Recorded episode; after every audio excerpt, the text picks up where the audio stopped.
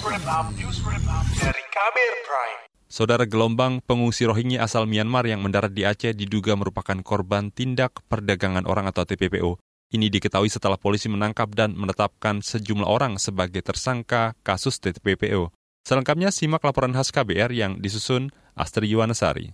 Polisi telah menetapkan tiga warga asing sebagai tersangka kasus penyelundupan atau tindak pidana perdagangan orang TPPO pengungsi Rohingya ke Aceh.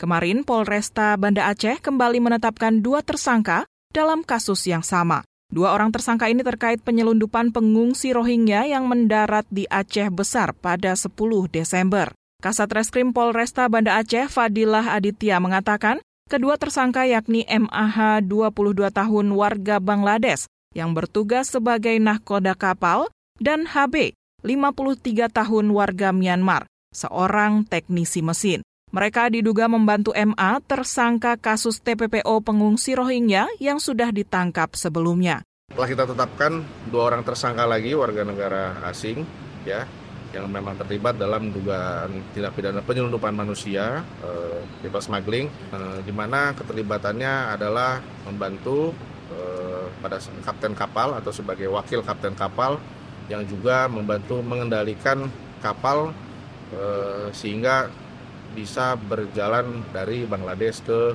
eh, Indonesia.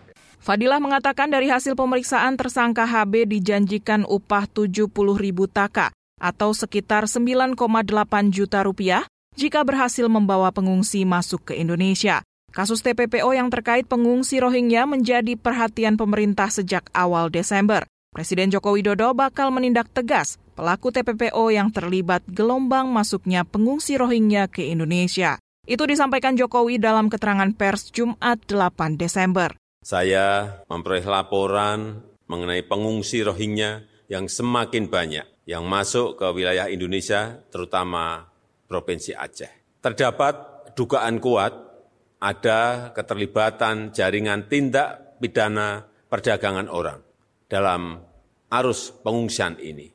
Pemerintah Indonesia akan menindak tegas pelaku TPPO. Jokowi menambahkan bantuan kemanusiaan sementara kepada para pengungsi Rohingya di Aceh akan diberikan dengan mengutamakan masyarakat lokal. Jokowi akan terus berkoordinasi dengan organisasi internasional untuk menangani masalah ini. Sementara itu, menurut Menteri Hukum dan Hak Asasi Manusia Menkumham Yasona Lauli, Kasus TPPO pengungsi Rohingya melibatkan mafia, bukan perseorangan. Ini adalah sindikat, ya sudah ditangkap oleh polisi dan kita harapkan juga bahwa ini akan bisa kita hindarkan di kemudian hari. Karena mereka juga adalah korban-korban dari uh, para mafia-mafia yang membawa mereka dari menjual harta bendanya kemudian datang kemari dengan ditawarkan iming-iming kehidupan yang lebih layak.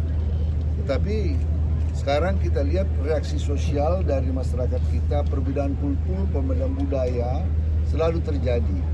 Terlepas dari masalah sindikat atau mafia perdagangan orang, Wakil Presiden Ma'ruf Amin menyatakan menerima para pengungsi Rohingya merupakan tugas kemanusiaan. Tetapi tentu ini juga memerlukan biaya besar. Karena itu kita berkoordinasi dengan UNHCR yang punya tanggung jawab. Selain itu kita juga mulai mempelajari kenapa mereka itu datang ke sini. Indonesia bukan tujuan, negara tujuan saya kira itu, tapi negara semacam transit. Tetapi di sini menurut uh, informasi itu ada ada TPPO juga. Nah ini yang harus dicegah. Jangan sampai nanti ke depan menjadi masalah yang Oh, berlanjut. Juru bicara UNHCR Indonesia Mitra Salima Suryono mengatakan, sejak pertengahan November 2023, ada 1.500-an pengungsi Rohingya yang tiba di beberapa tempat di Aceh, seperti Pidi, Biren, Aceh Besar, Aceh Timur, dan Sabang. Dalam penanganan pengungsi, manakala kami melihat adanya indikasi kejahatan penyelundup atau perdagangan manusia,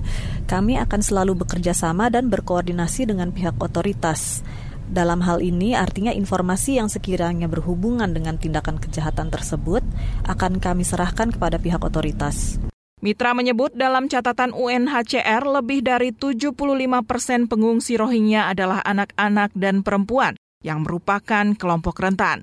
Kelompok ini sering kali justru menjadi korban kejahatan penyelundupan dan perdagangan manusia.